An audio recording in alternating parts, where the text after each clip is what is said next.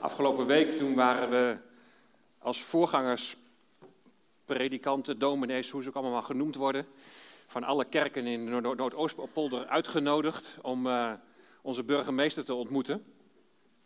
En dat was een mooie ontmoeting. En uh, naast mij zat de pastoor van de katholieke kerk. Dat was nog wel even een bijzonder moment, want aan het eind baden we het Onze Vader. Dat, baden, dat bidden zij anders, hè? met andere woorden. En dan, maar ze hebben hem veranderd. Bid ons niet in bekoring. Daar hebben ze van gemaakt, bid ons, leid, ons niet in, uh, leid ons niet in beproeving. En wij, wij, wij zeggen, leid ons niet in verzoeking. Ik zei, een heel gesprekje even met hem over gehad. Ik zei, ja, God verzoekt ons niet. Ja, waarom bidden wij, leid, ons niet in verzoeking? Jacobus is daar heel duidelijk over. En, en je kunt inderdaad ook vertalen met beproeving. Maar dan ga je lekker zelf maar eens even mee puzzelen, hoe dat nou allemaal zit. Maar we hebben het heel veel gehad over sociale gerechtigheid over het opsporen, opsporen van armoede in de polder. En uh, daar ging eigenlijk heel, heel lang ging daar het gesprek over. Het ging over diaconieën. Misschien wel dat er een gezamenlijk diaconaal platform zou moeten komen van de kerken. Nou, allerlei ideeën daarover. En toen zei ineens een, collega, nieuwe collega van de Nieuw Jeruzalemkerk. Hij zei, maar volgens mij hebben wij meer wat ons verbindt. Want volgens mij hebben we ook een geestelijke dimensie. We hebben samen hetzelfde fundament en we hebben samen dezelfde hoop die voor ons ligt. En daar moest ik even aan denken, naar aanleiding van het Bijbelgedeelte dat ik met jullie wil gaan lezen. Want eigenlijk hadden we die volgorde misschien wel even andersom moeten draaien, inderdaad. Eerst maar eens even met elkaar over dat fundament hebben, over wat geloven we eigenlijk met elkaar. En dan van daaruit, vanuit het hart, van wat kunnen we betekenen ook met betrekking tot sociale gerechtigheid. Nou, ik wil met jullie graag lezen 2 Korinthe 8, vers 1 tot 15. En ik lees het uit de NBV 21. En je moet maar goed opletten als je die Bijbel hebt, als je daaruit meeleest, want ik heb één woordje aangepast. Broeders en zusters, wij willen u niet onthouden wat Gods genade tot stand heeft gebracht in de gemeente van Macedonië. Ze zijn door ellende zwaar op de proef gesteld, maar zijn toch vervuld van een overstelpende vreugde en ondanks hun grote armoede zeer vrijgevig. Ik verzeker u dat ze naar vermogen hebben gegeven, ja zelfs boven hun vermogen. Uit eigen beweging hebben ze ons dringend verzocht mee te mogen doen aan de collecte om de heiligen in Jeruzalem te ondersteunen. En ze gaven aanzienlijk meer dan we hadden verwacht. Door Gods wil gaven ze zichzelf in de eerste plaats aan de Heer en vervolgens ook aan ons. We hebben er dan ook bij Titus op aangedrongen dat hij dit goede werk, waarmee hij al bij u begonnen is, voltooit. U blinkt in alles uit, in geloof, in kennis en welsprekendheid. In inzet op elk gebied, in de liefde die wij in u hebben gewekt. Blink dus ook uit in dit goede werk. Want u kent de genade van onze Heer Jezus Christus. Hij was rijk, maar is omwille van u arm geworden, opdat u door zijn armoede rijk zou worden. In uw eigen belang raad ik u het volgende aan. U hebt al een jaar geleden een begin gemaakt met de collecte en bovendien toonde u dat u graag wilt meedoen. Rond deze nu dan ook af met dezelfde bereidwilligheid als waarmee u begon en geeft daarbij naar vermogen. Als u namelijk bereidwillig geeft van wat u hebt, dan worden uw gaven met vreugde aanvaard en u hoeft niet te geven van wat u niet hebt. Het is niet de bedoeling dat u door anderen te helpen zelf in de moeilijkheden raakt. Er moet evenwicht zijn. Op dit moment lenigt u met uw overvloed de nood van de heiligen in Jeruzalem, zodat zij later met hun overvloed uw nood kunnen lenigen. En zo is er evenwicht. Zoals ook geschreven staat, hij die meer had, had niet te veel. En hij die minder had, had niet te weinig. Tot zover de schriftlezing. Welk vers heb ik aangepast? Hm? Heb ik vers 8 overgeslagen? Volgens mij was het vers 9 wat ik aangepast heb. Want dan gaat het namelijk niet over liefde, maar over genade. Garis staat er, dat is genade. En die genade, dat wordt van belang. Let maar op. Gerechtigheidszondag. Misschien kan het volgende plaatje even. Daar staat boven Internationaal Strafhof Den Haag gelast de arrestatie van Vladimir Poetin wegens oorlogsmisdaden. Als Poetin zou worden opgepakt en veroordeeld voor oorlogsmisdaden, wat zou je dan zeggen? Eindelijk gerechtigheid, toch? Eindelijk gerechtigheid, dat wordt gezegd wanneer een misdadiger zijn verdiende straf krijgt.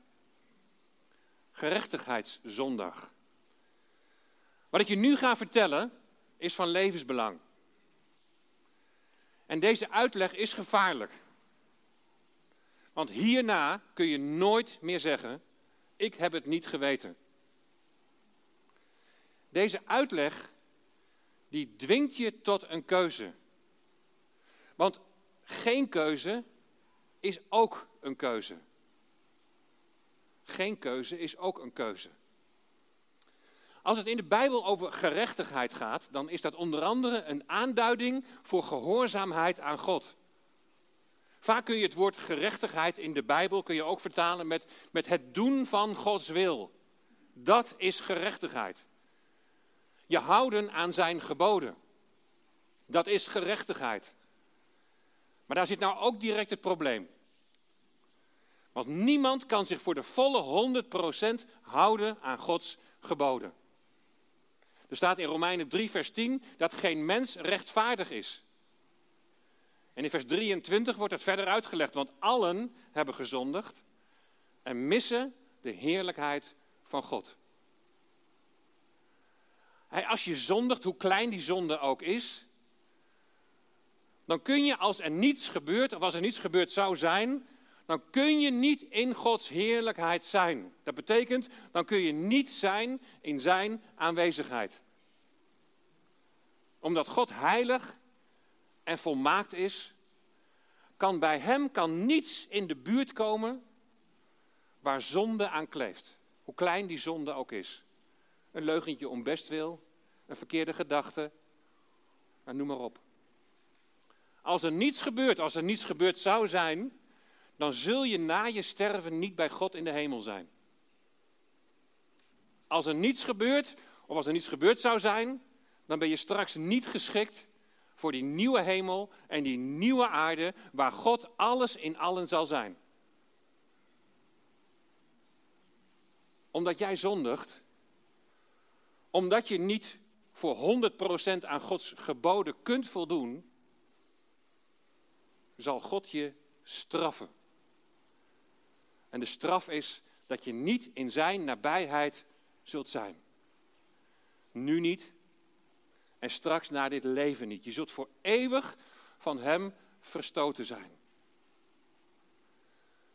Gerechtigheid houdt in, de houdt in de rechtspraak in dat wet en recht heel eerlijk worden toegepast. En bij God is dat niet anders. God is rechtvaardig. Stel dat je Jezus Christus nog niet kent. Wat zou je vanuit Gods perspectief moeten zeggen als je wordt opgepakt en veroordeeld voor je zonde? Eindelijk gerechtigheid. Want zonder Christus, en dit komt misschien wel even heel hard over, en daar moet je misschien ook wel even over nadenken, maar zonder Christus sta je in hetzelfde rijtje als Poetin.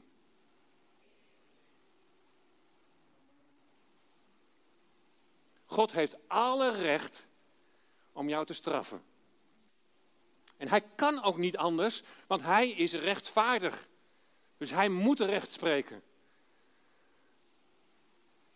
Maar dan komt het offer van de Heer Jezus dat we binnenkort gaan gedenken op Goede Vrijdag in beeld. Kijk maar eens mee in vers 24 van Romeinen 3. We worden om niet, dat betekent gratis, zonder daar iets voor te betalen, we worden om niet gerechtvaardigd. Daar heb je dat woordje gerechtigheid. We worden gerechtvaardigd, we worden, we worden vrijgesproken betekent dat. We worden rechtvaardig verklaard door zijn, door Gods genade, door de verlossing in Christus Jezus. Je staat schuldig voor God maar toch word je rechtvaardig verklaard Je wordt volmaakt en zonder zonde verklaard. Je wordt vrijgesproken van je schuld door verlossing in Christus Jezus.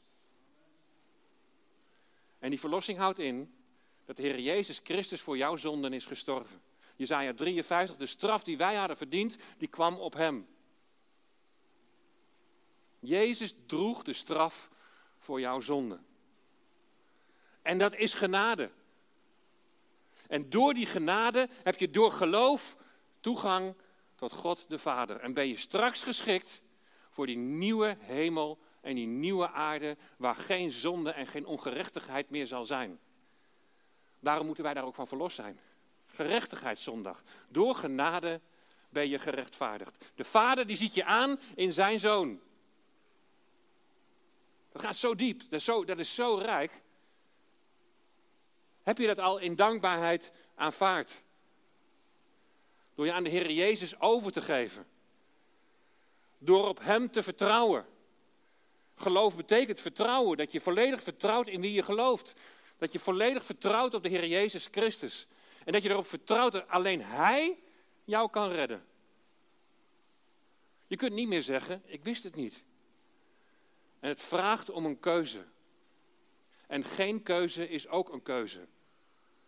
Want God zegt, wie niet voor mij is, die is tegen mij. Maar deze inleiding over gerechtigheid, die is nodig om 2 Korinthe 8 ten volle te kunnen begrijpen. Daar zien we wat genade uitwerkt in het leven van iemand die gelooft. Maar dan moet je eerst wel heel goed weten en er heel goed van doordrongen zijn wat die genade dan precies inhoudt. Nou, dat weet je nu. In de Bijbel kan gerechtigheid eveneens ook slaan op sociale gerechtigheid. Sociale gerechtigheid, dat betekent, je ziet hier een, een definitie. Sociale gerechtigheid betekent dat armen en zwakken worden beschermd tegen uitbuiting en dat er een gelijke verdeling is van bezittingen. Er wordt in 2 Korinthe 8 gesproken over een collecte om de armoede van broeders en zusters in Jeruzalem te bestrijden. Ook hoofdstuk 9 gaat daar nog over. Het is niet zomaar een klein dingetje dat zo zijdelings even, even ter sprake komt. Er wordt echt aandacht aan geschonken. Ook in andere brieven wordt deze collecte vermeld. Je ziet daar de teksten. Hè? Romeinen 15 wordt erover gesproken. In de Galatenbrief wordt erover gesproken. In Galaten 2, daar wordt Paulus in Jeruzalem als apostel van de heidenen erkend. En dan zeggen ze tegen hem, maar denk wel aan de armen. En dat is wat hij doet. Over die collecte lezen we dus in 2 Korinthe 8 en 9. Maar de plannen, die zijn een jaar daarvoor al begonnen. In 1 Korinthe 16, vers 1 en 2. En daar staat het volgende. Wat nu de inzameling voor de heiligen betreft, moet u het net zo doen als ik aan de gemeenten in Galatië opgedragen heb. Op elke eerste dag van de week moet ieder van u bij zichzelf iets opzij leggen om te sparen wat in zijn vermogen is, opdat de inzamelingen niet pas dan gehouden worden wanneer ik gekomen ben. Daar komt de collecte van zondagmorgen uit. Ik weet niet of het zo is, misschien, misschien best wel. Het zou best wel kunnen. Op de eerste dag van de week iets apart leggen. Ze leggen dus iedere week leggen ze iets apart. Ze hadden natuurlijk geen bankrekening waar ze alvast wat op over konden maken. Dus het kon ook alleen maar op deze manier. Maar wat me opvalt is dat er gezamenlijke afspraken zijn gemaakt. En er is een plan. En ze zijn er al een jaar met elkaar mee bezig. En dan in 2 Korinthe 9, vers 5, een jaar later, dan roept Paulus op om het alvast in gereedheid te brengen, zodat het naar Jeruzalem kan worden gebracht. Het is een heel organisatorisch gebeuren. En daar is dus ook niks mis mee. Soms hebben mensen daar ook wel wat moeite mee, van moet het allemaal zo georganiseerd en gepland? Ja, dat gebeurt hier dus ook. Maar daar gaat een, een, een innerlijke gesteldheid gaat daaraan vooraf. Paulus die, stelt daartoe de gemeente in Macedonië als voorbeeld voor de gemeente in Korinthe. En er is bij de Macedoniërs sprake van grote armoede. En er is ook sprake van verdrukking. Maar er is ook sprake van iets anders. Het staat tussen die woorden armoede, en er staat hier op de proef stellen. En de andere vertaling zegt verdrukking. Dus tussen armoede en verdrukking, daar staat dat er sprake is van overstelpende vreugde. In de armoede en in de verdrukking. En die overstelpende vreugde heeft alles te maken met dat woord in vers 1, het woord genade. De genade van God. Dat je in Jezus de Messias bent verlost. Dat je in Hem eeuwig leven ontvangt. Dat is zo'n rijkdom ten opzichte van de armoede. En het zet je zo in de vrijheid ten opzichte van verdrukking. Dat je zo ongelooflijk blij bent. Er is een overvloed van vreugde. Ken je dat? Is de genade zo binnengekomen? En dan zie je hier in vers 4 dat ze een genade gelegenheid zoeken om genade door te geven. Ze smeken zelfs of ze iets bij mogen dragen. Een diaconale gift aan de gelovigen in Jeruzalem die het moeilijk hebben. Ze geven niet omdat het moet, maar ze geven uit eigen beweging. Er is een beweging in hun hart gekomen als gevolg van de genade die ze van God hebben ontvangen. En het is een diep verlangen geworden om te geven, om uit te delen. Ook al zijn ze zelf arm en worden ze verdrukt. Wat kun je missen? Maar je hebt allereerst de zorg voor jezelf en voor degenen die aan je zijn toevertrouwd, je gezin. dat is de eerste cirkel. Vervolgens maak je deel uit van een gemeente van gelovigen die ook met elkaar financiële verplichtingen hebben. Dat is de tweede cirkel. En een ieder geeft naar vermogen.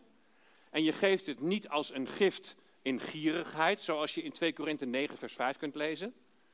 Maar je geeft het als een vooraf beloofde zegen die je zelf hebt ontvangen. Een vooraf beloofde zegen die je zelf hebt ontvangen. Als je lid of vaste gast hier in de gemeente wordt, dan krijg je de vraag om een toezeggingsformulier in te vullen. Ik moet zeggen, ik had dat nog niet eerder meegemaakt en het was voor mij nieuw. Dan kijk je er even misschien wat, wat raad tegen aan. hey, moet, moet ik dan wat gaan toezeggen? Een vooraf beloofde zegen die je zelf hebt ontvangen. Eigenlijk is dat heel goed. Wat ga je per maand bijdragen? 2 Korinthe 9, vers 5. Je geeft je door, door, door jou vooraf beloofde zegen door. Je geeft, 2 Korinthe 9, vers 7, wat je in je hart voorgenomen hebt. Niet met tegenzin of dwang, want God heeft de blijmoedige gever lief. En wat je hier in de gemeente geeft, dan gaat automatisch 10% naar zending. Daarnaast collecteren we voor diaconie, zodat daar ook een vast bedrag voor staat gereserveerd. En voor het geval een broeder of zuster of samen misschien wel in, in financiële nood komen. De vreugde om de ontvangen genade van God geeft je het verlangen om bij te dragen aan het werk van de Heer. En de arme Macedoniërs die gaven naar vermogen, ja ze gaven zelfs boven vermogen. Ik kan me niet herinneren dat ik ooit zo specifiek zoals vanmorgen heb gesproken over geven. In Moldavië, het armste land van Europa, daar hoorde ik een voorganger in een arme dorpsgemeente, hoorde ik wel spreken over geven. En ik dacht bij mezelf, ja geven waarvan? En toch heb ik daar zo'n vrijgevigheid gezien. Heel bijzonder. De eerste kring zorgt voor jezelf en je gezin. De tweede kring de gemeente, inclusief 10% zending, diaconie. De derde kring de wereld om ons heen. Geld en steun voor zending. Geld en steun voor mensen in nood. Ondersteuning van de individuele zendelingen in de gemeente bijvoorbeeld, want die kunnen niet rondkomen van die 10% die ze van ons krijgen. Maar zo zijn er veel meer dingen die, die zo op je weg kunnen komen. Ik zie bij heel veel gemeenteleden zie ik foto's staan van Compassion kinderen. Of van andere organisaties die behept zijn met de kinderen in nood. Weet je, extreme armoede maakt kinderen heel kwetsbaar. 868 miljoen mensen lijden honger. 25.000 kinderen sterven dagelijks door honger en armoede. 25.000 iedere dag.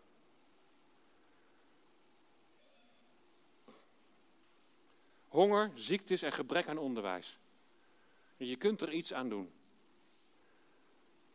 Zo zijn er natuurlijk veel meer mogelijkheden. Er zijn ook organisaties die een juridische strijd aangaan als er sprake is van misbruik en uitbuiting. 27 miljoen mensen zitten vast in slavernij. 2 miljoen kinderen worden uitgebuit in de commerciële seksindustrie.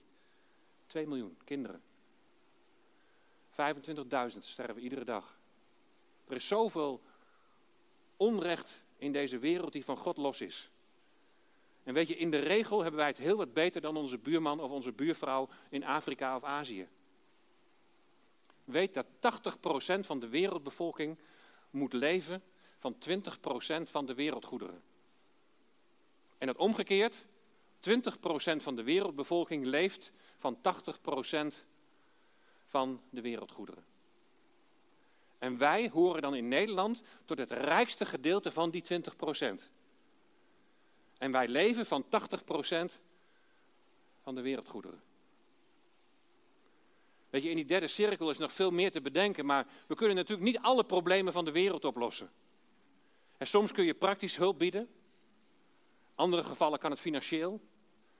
En dan zeg je misschien wel, dat hoor ik ook mensen vaak zeggen, en ik denk het soms zelf ook wel eens van, ja, maar het is, het is nog maar een druppel op de gloeiende plaat. Maar een druppel is toch iets. En veel druppels maken met elkaar een waterplas. Een waterplas waar mensen toch een stukje verkoeling mogen ervaren. Wat ga je doen? En je kunt niet alles, maar wat geeft God je als verlangen op je hart? Of wat brengt Hij op je weg?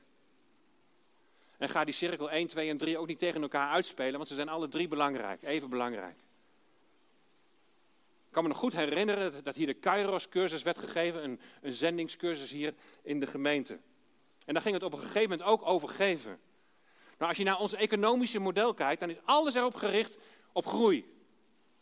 Op steeds meer en meer en meer. En we nemen dat ook heel vaak in onze persoonlijke keuzes nemen we dat dan over. Als je inkomen toeneemt, dan ga je kijken naar een groter huis, of je gaat misschien kijken naar een luxere auto. Of... Maar in de Kairos-cursus werden we geprikkeld om eens over het volgende na te denken. Als je inkomen 10% toeneemt, dan heb je meer om weer weg te geven. Want is wat je hebt niet genoeg?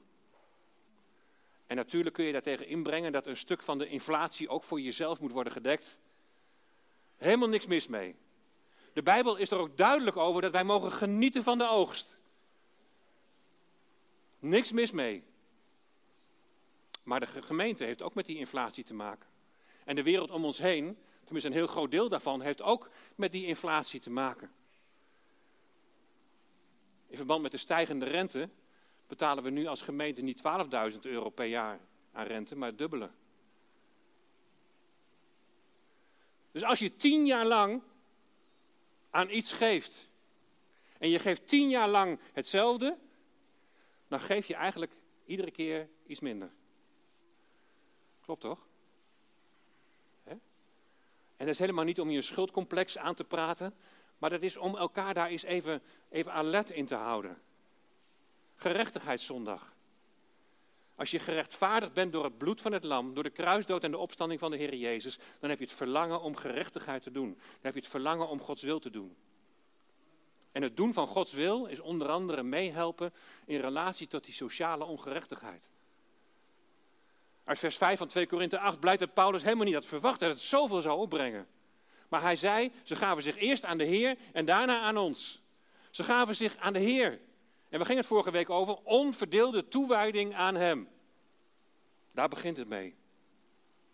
En dat gaat gebeuren als je Gods genade echt gaat verstaan. Als je gaat begrijpen wat de prijs is die Hij heeft betaald, die de Heer Jezus heeft betaald, om ons te redden en te verlossen. Om ons tot een nieuwe schepping te maken. 2 Korinthe 8, vers 9. Want u kent de genade van onze Heer Jezus. Hij was rijk, maar is omwille van u arm geworden opdat u door zijn armoede rijk zou worden. Ik hoorde laatst de uitleg dat dit vers belooft dat je rijk zult zijn en dat, je, dat voorspoed je deel zal zijn. Want werd er gezegd, ja, dit hele Bijbelgedeelte staat in relatie tot financiën. Want het gaat namelijk over de collecte van Jeruzalem. Maar lieve mensen, dat is helemaal niet de context. De context is de genade van God. Dat is het uitgangspunt. Het is de genade, het is genade dat de Heer Jezus de rijkdom van de hemel heeft verlaten om onder ons te zijn. En door zijn komst zijn jij en ik rijk geworden in die genade van zijn verlossing. Armoede, rijkdom. De wereld is totaal uit balans. En we hebben dat gezien in die 20-80-regel. Laat die laatste drie versen nog even een keer op je inwerken. Het is niet de bedoeling dat u door anderen te helpen zelf in moeilijkheden raakt. Er moet evenwicht zijn. Op dit moment lenigt u met uw overvloed de nood van de heiligen in Jeruzalem, zodat zij later met hun overvloed uw nood kunnen lenigen.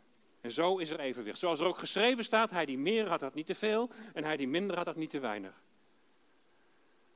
Als je moeite hebt met geven, als het voelt als een verplichting, is de rijkdom van Gods genade dan wel goed tot je doorgedrongen. Samengevat gaat 2 Korinthe 8 over het volgende. Gods genade is de drijfveer om te delen. Tweede, verdrukking en armoede zijn geen motief om niet te geven. En natuurlijk kan de een meer dan de ander. Maar geven is een Bijbels principe. En je geeft niet gedwongen, maar uit eigen beweging. Financieel geven is ook een dienstbetoon, diaconia. En je geeft wat je vooraf in je hart hebt voorgenomen. Dus je kijkt niet achteraf, nou even kijken wat er nog een beetje overgebleven is. Een tijd geleden kreeg ik van Compassion de vraag wat ik ervan zou vinden als Anjo als ambassadeur mee zou gaan naar Oeganda. En Compassion die vindt het belangrijk dat dit wordt gedragen door de gemeente waar je toe behoort. En de vraag was, Anjo, zou je daar iets van mee terug kunnen nemen naar de gemeente van de ervaringen die je daar hebt opgedaan? En we hebben vaker in de gemeente hebben we aandacht gegeven aan dit mooie werk. En Anjo die zal iets delen over sociale gerechtigheid vanuit de praktijk van zijn reis naar Oeganda. Dus het is eigenlijk nu de praktijk van wat ik net heb gedeeld. En dan komt het, hoop ik, nog iets dichterbij. En gaat het nog meer leven. En voordat ik het woord geef aan Anjo, kom maar hier Anjo, dan uh, kun je het overnemen. Wil ik besluiten met Spreuken 14, vers 31. Wie een geringe onderdrukt, smaadt dienstmaker. Maar wie zich over een arme ontfermt, eert hem.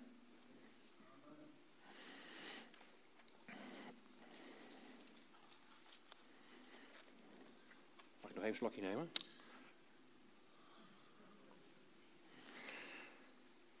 Toen wij van de week heel kort uh, even bij elkaar waren, Bert en ik. Toen zei Bert, ik ga het hebben over 2 Korinthe 8. Toen zei ik, nou, dat gedeelte hebben we in Oeganda ook besproken.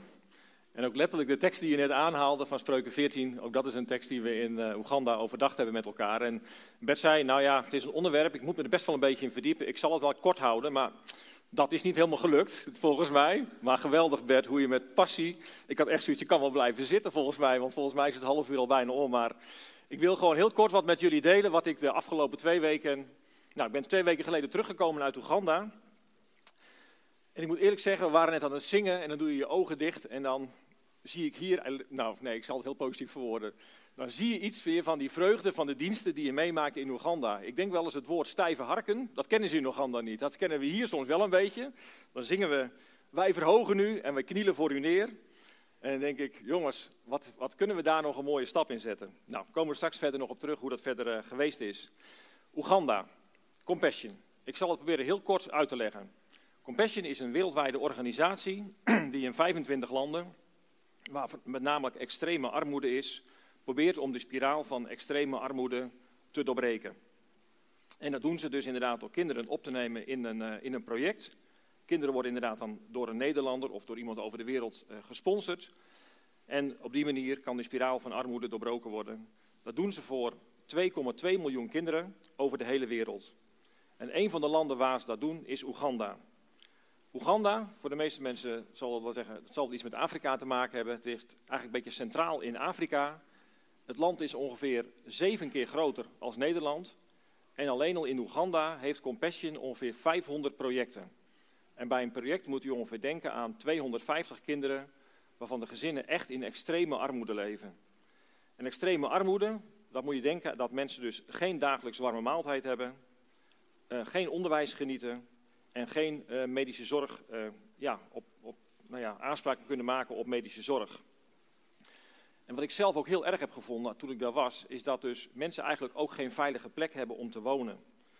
om te zien dat kinderen daar opgroeien in sloppenwijken, waar echt werkelijk structureel gebrek is aan alles. Maar het is ontzettend hoopvol en mooi om te zien dat Compassion op dit soort plekken juist die stap naar voren zet en zegt: Wij zijn hier om ja, eigenlijk de woorden van Jezus in de praktijk te brengen. Het was voor mij de derde keer dat ik eh, zo'n reis eh, gemaakt heb. En ik moet u eerlijk zeggen, eigenlijk lijkt het wel of de confrontatie van de rijkdom zoals we hier leven, wat Bert ook net schetste, de 80-20 regel, of die eigenlijk steeds indringender binnenkomt als je daar nu voor de derde keer uh, geweest bent. En ik merk ook, ik had het er afgelopen week best wel een beetje lastig mee. Want ik dacht, hoe, hoe ga ik dit nu overbrengen? Hoe ga ik nou iets wat ik zo intens heb ervaren en wat zo overweldigend is, op een zondagmorgen overbrengen? En dan toch op een manier dat u niet met een rotgevoel naar huis gaat, ik doe alles fout en ik moet alles weggeven. Maar dat met name de vreugde en eigenlijk de rijkdom, rijkdom die ik daar ervaren heb, dat dat u uitdaagt om met het onderwerp meer aan de slag te gaan. Nou, ik zal u even weer mee te nemen. We kwamen daar aan en nou, je komt dan eigenlijk bij aan bij zo'n project. En dan denk je, nou, we gaan eens even kijken hoe het gaat op zo'n schooltje. Lekker praktisch. Nou, zo werkt dat dus daar niet. We beginnen altijd eerst met een kerkdienst. En het zou zo mooi zijn, gemeente, om dat eens met elkaar te ervaren, hoe je zo'n kerkdienst daar ervaart. Je komt daar binnen en je hebt gelijk zoiets, de jeugd zou zeggen, er zit gewoon een vibe. Er is iets, het overweldigt je gewoon. Je komt binnen en je voelt, hier gaat het om God. Hier zijn mensen met een groot verlangen. Een verlangen om God te eren wie Hij is. We willen, ze willen God danken, ze willen God aanbidden. Ze willen Hem, ja, een soort overgave aan Hem. En dat is ook te zien op het moment dat je de mensen spreekt. Het is, het is een en al lof, dank en aanbidding. En als ik hier aan kijk, dan kijk ik naar een klok en denk ik, oh ja. Nou, ik heb daar geen enkele klok in geen enkele dienst gezien. En ik snap wel, we leven hier in Nederland en we moeten het hier met een bepaalde planning doen.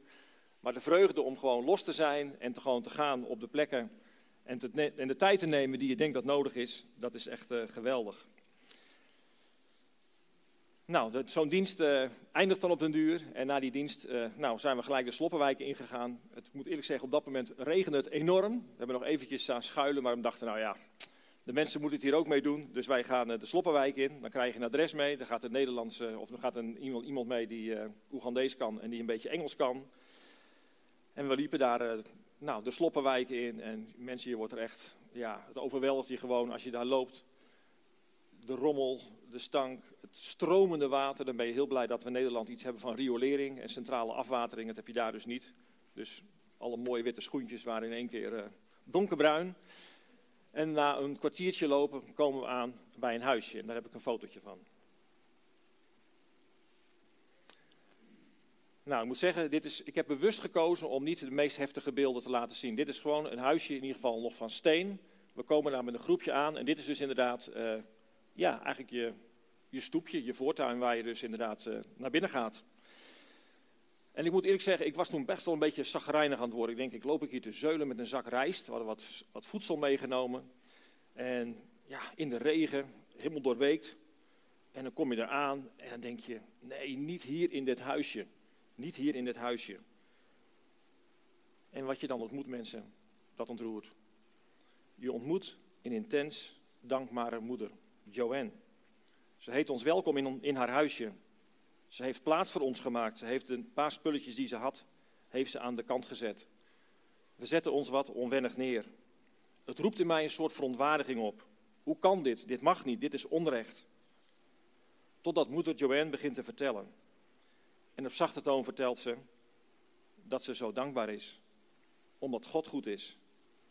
Dat ze zo blij is dat een van haar vier kinderen in een compassion project zit. En dat ze daardoor als gezin weer hoop en perspectief hebben. Ze wil ons wat aanbieden, maar we willen het niet. Ze vertelt over haar man, die als dagloner probeert wat geld te verdienen, zodat ze de huur kunnen betalen en wat eten kunnen kopen af en toe. Ze deelt ook eerlijk over de grote zorgen die ze heeft over de veiligheid van haar twee jonge meisjes. De buurt is zo onveilig en er is zoveel dreiging van misbruik op allerlei gebied. Moeder en de twee dochters willen graag voor ons zingen. Ze knielen neer in haar kleine hutje en zingen zachtjes een lied. Verstaan doen we niet alles, maar de naam van de Heer Jezus klinkt. De naam van God wordt genoemd en geroemd. De Bijbel vertelt ons dat u goed bent, Jezus, dat zingen ze. We horen een diepe dankbaarheid voor wat ze elke dag ontvangen. Hoe krijg je een groep Nederlanders stil? Zo dus.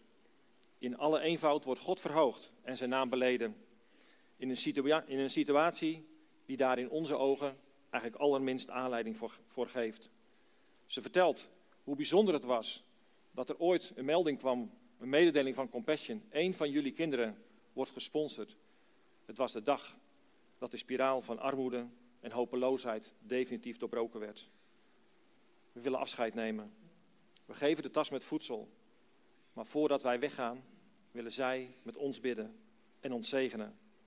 En ook wij kunnen niet gaan voordat we dit gezin hebben opgedragen aan God.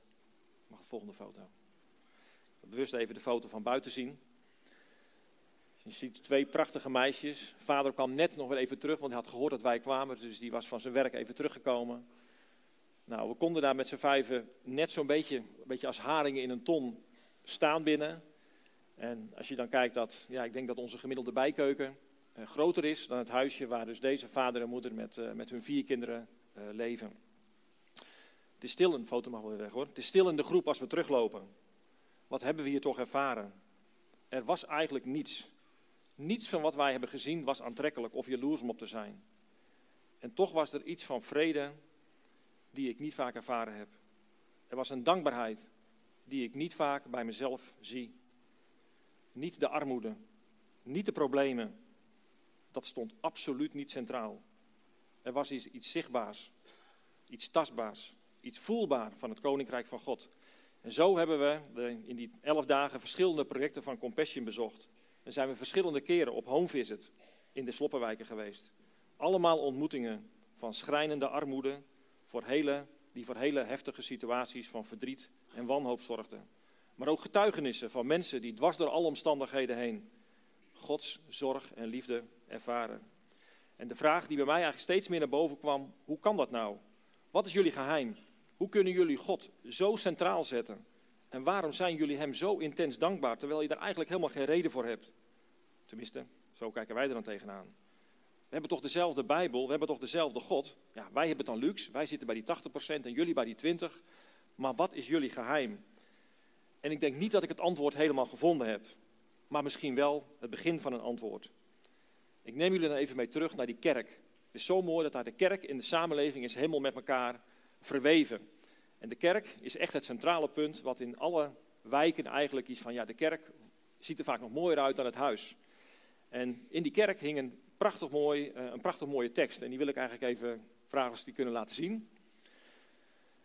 Ik weet niet of jullie hem goed kunnen zien. Dat is inderdaad uh, ja, het vruchtdragen. En met name dan de tekst ehm, die heel centraal midden op het podium stond. Dus geen kruis centraal, maar deze tekst stond centraal. Het kruis had trouwens ook een hele prominente plek. Maar er was Johannes 11 vers, of Johannes 12 vers 25, waar de Heer Jezus zegt... Wie mij navolgt en werkelijk mijn discipel die zijn, die moet zijn leven verliezen om het te behouden. Niet iets verliezen, maar je leven verliezen. En daar zit voor mij in ieder geval een probleem. Ben ik bereid mijn leven, mijn comfort, mijn luxe, mijn goederen, mijn bankrekening, mijn tijd op te offeren? Niet om iets te verliezen, maar om juist het echte leven te behouden. Is dat niet precies wat Jezus ook liet zien in zijn leven hier op aarde? Zijn leven verliezen om het voor ons te behouden. En deze tekstmensen, die heb ik daar zo in de praktijk gezien. Mensen die als het ware een, in onze ogen een verloren leven leiden.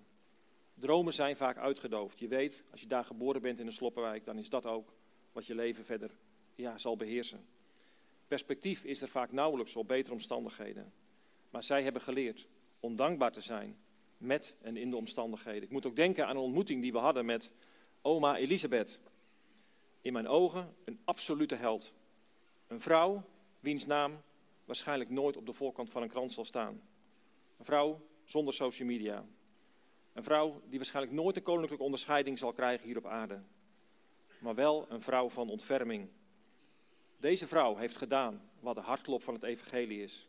Ze heeft de woorden van de Heer Jezus uit Lucas 9, vers 48 echt letterlijk genomen. Daar staat, wie dit kind opneemt, wat niemand heeft, die neemt mij op. Deze vrouw, deze alleenstaande vrouw, is begonnen om kinderen in haar huisje op te vangen. Dus kinderen die inderdaad geen ouders meer hebben. We waren daar op bezoek en daar hebben we een kort filmpje van.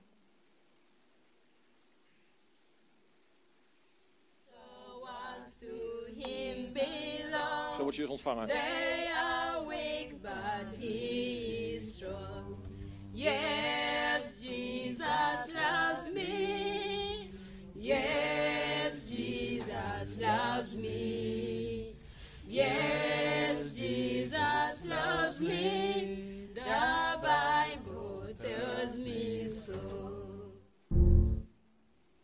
preparing a house for you and for us. So, some way he is preparing a house for you and us, and perhaps we are neighbors in heaven. yeah, and and I and I think you are so faithful to sing a song of Jesus in this place. So he's preparing you for something beautiful. So I I will surrender myself to your leadership when I come in heaven and I see that you have gone through so much hardship and still faithful.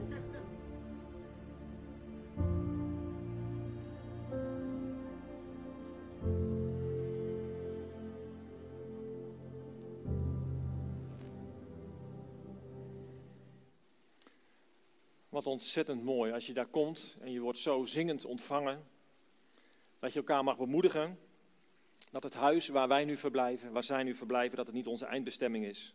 Dat is wat Timon ook zei. Hè? Dit is niet de plek van onze eindbestemming, maar we zullen ooit op een plek zijn. En dan zegt hij, dan hoop ik dat we buren zullen zijn. Zo ik hoop dat ik bij jou in de buurt mag zijn in de hemel. Wat is het zegenrijk om deze mensen ook te eren. Hen te bemoedigen met goede woorden. Hen te bedanken voor het vertrouwen wat we bij hen zien. Het, het godsvertrouwen wat we bij hen zien. Zij eren de Heer Jezus op een unieke manier. Ze brengen hem hulde. En de grootste zegen, mensen, die is voor jezelf. Je denkt, ik ga wat brengen. Maar je komt rijk terug. Ik moet ook denken aan het bezoek wat we had- we hadden met Konrad en zijn vrouw. Dit is het laatste voorbeeld hoor. Als tienjarig jongetje verliest Konrad beide ouders door de dood. Als jongste, of als oudste van vijf kinderen, heeft hij de zorg voor zijn broertjes en zusjes. Moet je je voorstellen, als tienjarige jongetje, zorg voor je vijf broertjes en zusjes. Hij zegt, we hadden geen ontbijt, geen lunch, geen avondeten. Honger was onze grootste vijand. Na een enorme strijd en lijdensweg en omzwervingen vindt hij uiteindelijk een slaapplekje in een kerk. Hier wordt hij opgevangen en opgenomen in een compassionproject. Hij ontmoet hier zijn vrouw en samen adopteren ze een meisje wiens ouders overleden zijn. En meer kinderen volgen, een tweede, een derde. Inmiddels stelt het gezin van Konrad en zijn vrouw 15 kinderen, die ze allemaal opgenomen hebben in hun huis. Hij vertelt, wij eten zelf maar weinig. Als de kinderen maar goed eten, dan is het goed. Als iemand uit een ander land de passie heeft om kinderen in ons land te helpen, hoeveel te meer, hoeveel te meer moeten wij dan niet onze eigen armen helpen? Wat wij hebben, dat delen we met deze kinderen. Nou, dat heb ik altijd een beetje, sorry hoor. Hoe ontvangen jullie kracht, vraag ik hem. Wij ontvangen kracht als wij zien dat de kinderen opbloeien, als ze naar school gaan, als ze God leren liefhebben. We houden het vol, zegt hij, omdat we zien dat God het geknakte niet afbreekt, maar juist heelt en mooi wil maken. Als Nederlanders ga je dan allerlei vragen stellen. hè? Wat is je advies dan aan ons? Hoe doe je dat dan? Zijn eenvoudige antwoord was: leef een leven van opoffering. Meer kan ik je niet adviseren, was zijn eerste reactie. Jullie, sommige mensen, plannen voor een maand, een jaar, de toekomst, je pensioen. Ja, zegt hij, wij plannen ook wel eens. Maar dan is het voor de dag van vandaag en misschien soms van morgen. Hij zegt, we moesten echt leren om God onvoorwaardelijk te vertrouwen. En sterker nog, hij voegde er zo'n prachtig woord aan toe. Hij zegt, we hebben geleerd om God zorgeloos onvoorwaardelijk te vertrouwen. Wij zijn vaak in nood. We weten vaak niet wat we moeten doen voor de dag van morgen. En er is maar één ding wat ik jullie mee wil geven. Vertrouw op de Heer. Ik heb zo vaak moeten denken in die dagen aan dat lied. God keert alles om. In het koninkrijk van God is de arme rijk en de rijke is arm. En voor ons is dat soms echt heel moeilijk te begrijpen. En ik vind het zelf ook heel moeilijk te begrijpen als je hier gewoon je dagelijks leven leidt. Maar ik heb daar iets van die woorden letterlijk in de praktijk gezien. En lieve mensen, Bert zei het ook al, wij hoeven geen schuldgevoel te hebben omdat wij in Nederland geboren zijn. Daar mogen we echt dankbaar voor zijn. We hoeven ons ook niet schuldig te voelen als wij genieten van de zegeningen die we allemaal ontvangen hebben. Sterker nog, en dat gaf Bert ook al aan, ik denk dat de Bijbel ook heel veel ruimte geeft om te genieten van het goede wat wij ontvangen hebben. Ik denk het boek bijvoorbeeld onder andere in Deuteronomium en Leviticus, waar echt de mensen worden opgeroepen om ja, te genieten van de oogst en ook ja, daar echt op een mooie manier van te genieten. Maar altijd weer met die tweede, twee woorden waar de Bijbel over spreekt. Wees ruimhartig voor de vreemdeling. Wees ruimhartig voor de wees en voor de weduwe. Onthoud altijd goed. Je had eerst zelf ook niks. En nu, wat je hebt, heb je allemaal gekregen. In de psalmen laat God zien wie hij is. Psalm 72. Want hij zal de armen en de ellendigen redden. Dat zegt God zelf. Hem die om hulp roept. Hij zal zich over hem ontfermen, over de geringen en de armen. En zo zijn er talloze plekken. Bert haalde het ook al aan, Spreuken 14. Wie zich over een arme ontfermt, die eert mij, zegt God. En ik denk zelf dat dat een van de grote problemen is die wij ten diepste in onze samenleving hebben. Wij zijn onze gegeven zegeningen gaan zien als bezit. Het is van mij. Ik heb ervoor gewerkt. Ik heb ervoor gespaard. Het is van mij en van niemand anders. Want ik heb het nodig om het goed te hebben, om comfort te hebben. Maar realiseer je, lieve mensen, in je comfort zit geen groei. En veel bezit maakt zwaar. God is de bron van elk leven. Voor Hem is elk leven van dezelfde waarde. Of je nu geboren bent in een paleis van een huis, hier in Nederland, of dat je in een hutje in Noord-Oeganda ter wereld kwam. Een van de teksten die mij enorm trof tijdens een bezoek van een van de projecten was Psalm 127, vers 3, waar staat, en het was ook heel mooi om te zien, heel veel kinderen hadden ook een t-shirtje aan van Compassion en er stond die tekst ook achterop geprint en daar staat, kinderen zijn het geschenk van de Heer. Er staat niets bij over de plek waar je geboortegrond was. Er staat alleen, kinderen zijn het geschenk van de Heer.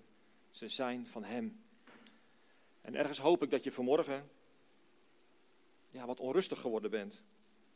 Maar ik hoop ook dat, het, dat je voelt dat het niet de bedoeling is om je ongelukkig te maken, maar juist om die vrede van God te gaan zoeken, waar Bert vanmorgen ook over gesproken heeft. Ik heb het vaak gezocht op verkeerde plaatsen. Meer dit, meer dat. Maar het heeft me onderaan de streep uiteindelijk niets opgeleverd. God zegt, ontferm je over datgene waar ik mij over ontferm. Zoek hen op die ik opzoek. Liefde voor God vraagt om actie. Religie heeft controle. Relatie laat los. Je brengt God glorie als je doet wat Hij zegt. Niet meer ik bepaal het zelf, maar omdat ik Hem ken, daarom deel ik.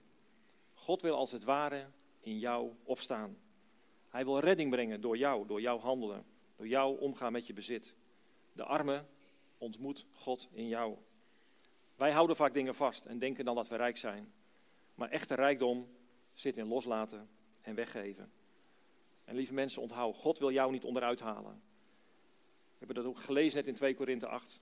Het gaat ook, God wil dat er evenwicht is. Hij gaat je niet uitputten. God is een God van overvloed. Hij zegt, wil je mij beter leren kennen? Wil je weg bij de onrust? Ben je moe van het bouwen aan je eigen zekerheden? Verzamel je dan geen schatten in de hemel.